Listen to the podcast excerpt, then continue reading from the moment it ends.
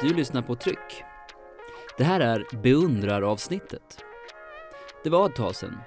I ett pojkrum i en av Stockholms söderförorter gick pojkbandsseden varm. Homoerotiska posters på bandmedlemmar utan tröjor på väggen. Jag kunde varenda text, varenda danssteg. Jag kände till deras egenskaper. Varje pojkbandsmedlem matchades med en av mina kompisar när vi övade in låtarna.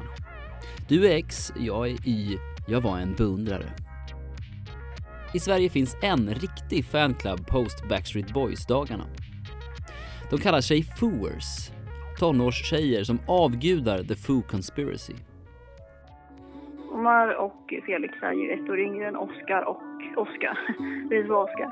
Alice Ekberg, 14 år. Ja, Omar har varit den här lite busiga killen. Alltid. Eh, glad och sprallig. Eh, mm, och han var ju liksom lite mer offentlig än vad de andra killarna var först. För han började sjunga och så vidare. Han var mindre och spred. Han var med i talangtävlingar så han visste ju många, eller ganska många om. Ändå några i alla fall. Eh, och han kom ju från Göteborg, de andra tre killarna från Stockholm.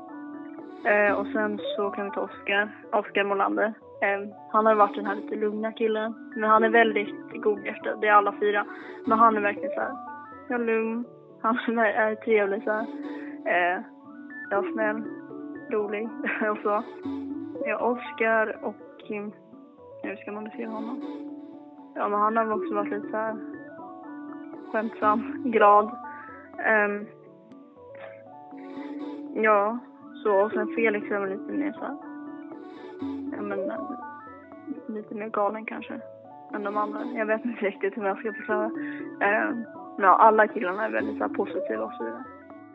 Det är ju ett pojkband helt enkelt så. Men eh, de har alltid varit alltså väldigt så nära till sina fans på ett sätt. Eh, det kanske har, alltså, det har väl försvunnit lite när de blivit större, men då var det i alla fall att de svarade mycket så här på Twitter. Och eh, alltså jag, jag har väl gillat andra artister och så innan, men det här var väl första bandet jag verkligen blev så fast med. Och den fanbasen tycker jag är ganska alltså, speciell på något sätt. Alltså den är verkligen så här, man får internetvänner, man träffar nya, eh, man får kontakt med andra followers och eh, ja men killarna har mycket så här, jag vet de var väldigt nära till sina fans så det är de fortfarande. Men kanske inte exakt på samma sätt. Men det är fina killar.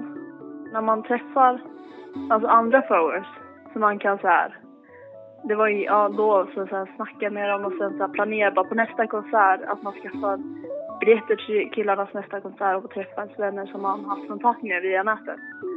Eh, det gjorde väl ganska mycket ändå, så det var jättekul. Och det där är jättekul. Eh, och eh, ja, det, alltså, det är mycket runt om killarna också. Så här, köa utanför deras konserter och träffa nya människor som också gillar killarna. Liksom. Det var ju under några år till, lite typ 2014, så var de ju, då var jag verkligen så här. Då var de typ halva mitt liv. Alltså då var, det var då jag var som mest aktiv på bloggen. Alltså om jag kommer ihåg rätt så tror jag uppdatera en gång per timme på dagarna. Det är ganska sjukt, alltså sjukt hur mycket man får ihop. Men då var vi flera på bloggen också så det var inte bara jag. Eh, men det var jag som var mest aktiv. Och då var det verkligen, man följde dem, alltså allt de skrev på Twitter och alltså. Jag bor inte i Stockholm så jag kan inte såhär följt efter dem alltså eh, på något sätt så. Och jag är inte, alltså, jag, alltså jag skulle inte säga att jag var en stalker, absolut inte. Men det var väl lite såhär över, eller väldigt fangirl var jag väl över dem. När de åkte till USA så hade de inte lika, alltså, då för, alltså de fokuserade så mycket då på alla, alltså få nya fans i USA. Eh, och det vet jag att många andra fans också reagerar på att de, alltså de inte, alltså man förstår ju dem att självklart om de åker dit och vill satsa så ska de också alltså försöka på, alltså folk som gillar deras musik där också. Men då var det liksom att de nästan glömde bort svenska fansen kändes det som. Men eh, alltså inte riktigt besviken så var det inte på dem för man förstod ändå och de bor ju ändå i Sverige så jag tror inte de kan inte för, alltså, glömma bort svenska followers liksom. Eh, men där var det lite så här man kände, det är lite bortglömt men man förstod ju ändå. Ganska många bråk har blivit så här, att folk blir sura på någonting killarna eller fansen har gjort. Det var no mycket rykten så att killarna, om några killarna har fått en tjej så har ju några blivit så jättesura. Och så det, då var det ofta fejk. Nu har ju några killarna ett förhållande. Ja, det är ganska mycket drama i Sunbasen, men det är ändå väldigt mycket gemenskap. Alice Ekberg driver den omåttligt populära fanbloggen thefuswe.se. Tack för att du lyssnar på Tryck. Fortsätt gärna att göra det och gå gärna in och prenumerera via iTunes och skriv en recension. Det skulle hjälpa mig väldigt, väldigt mycket.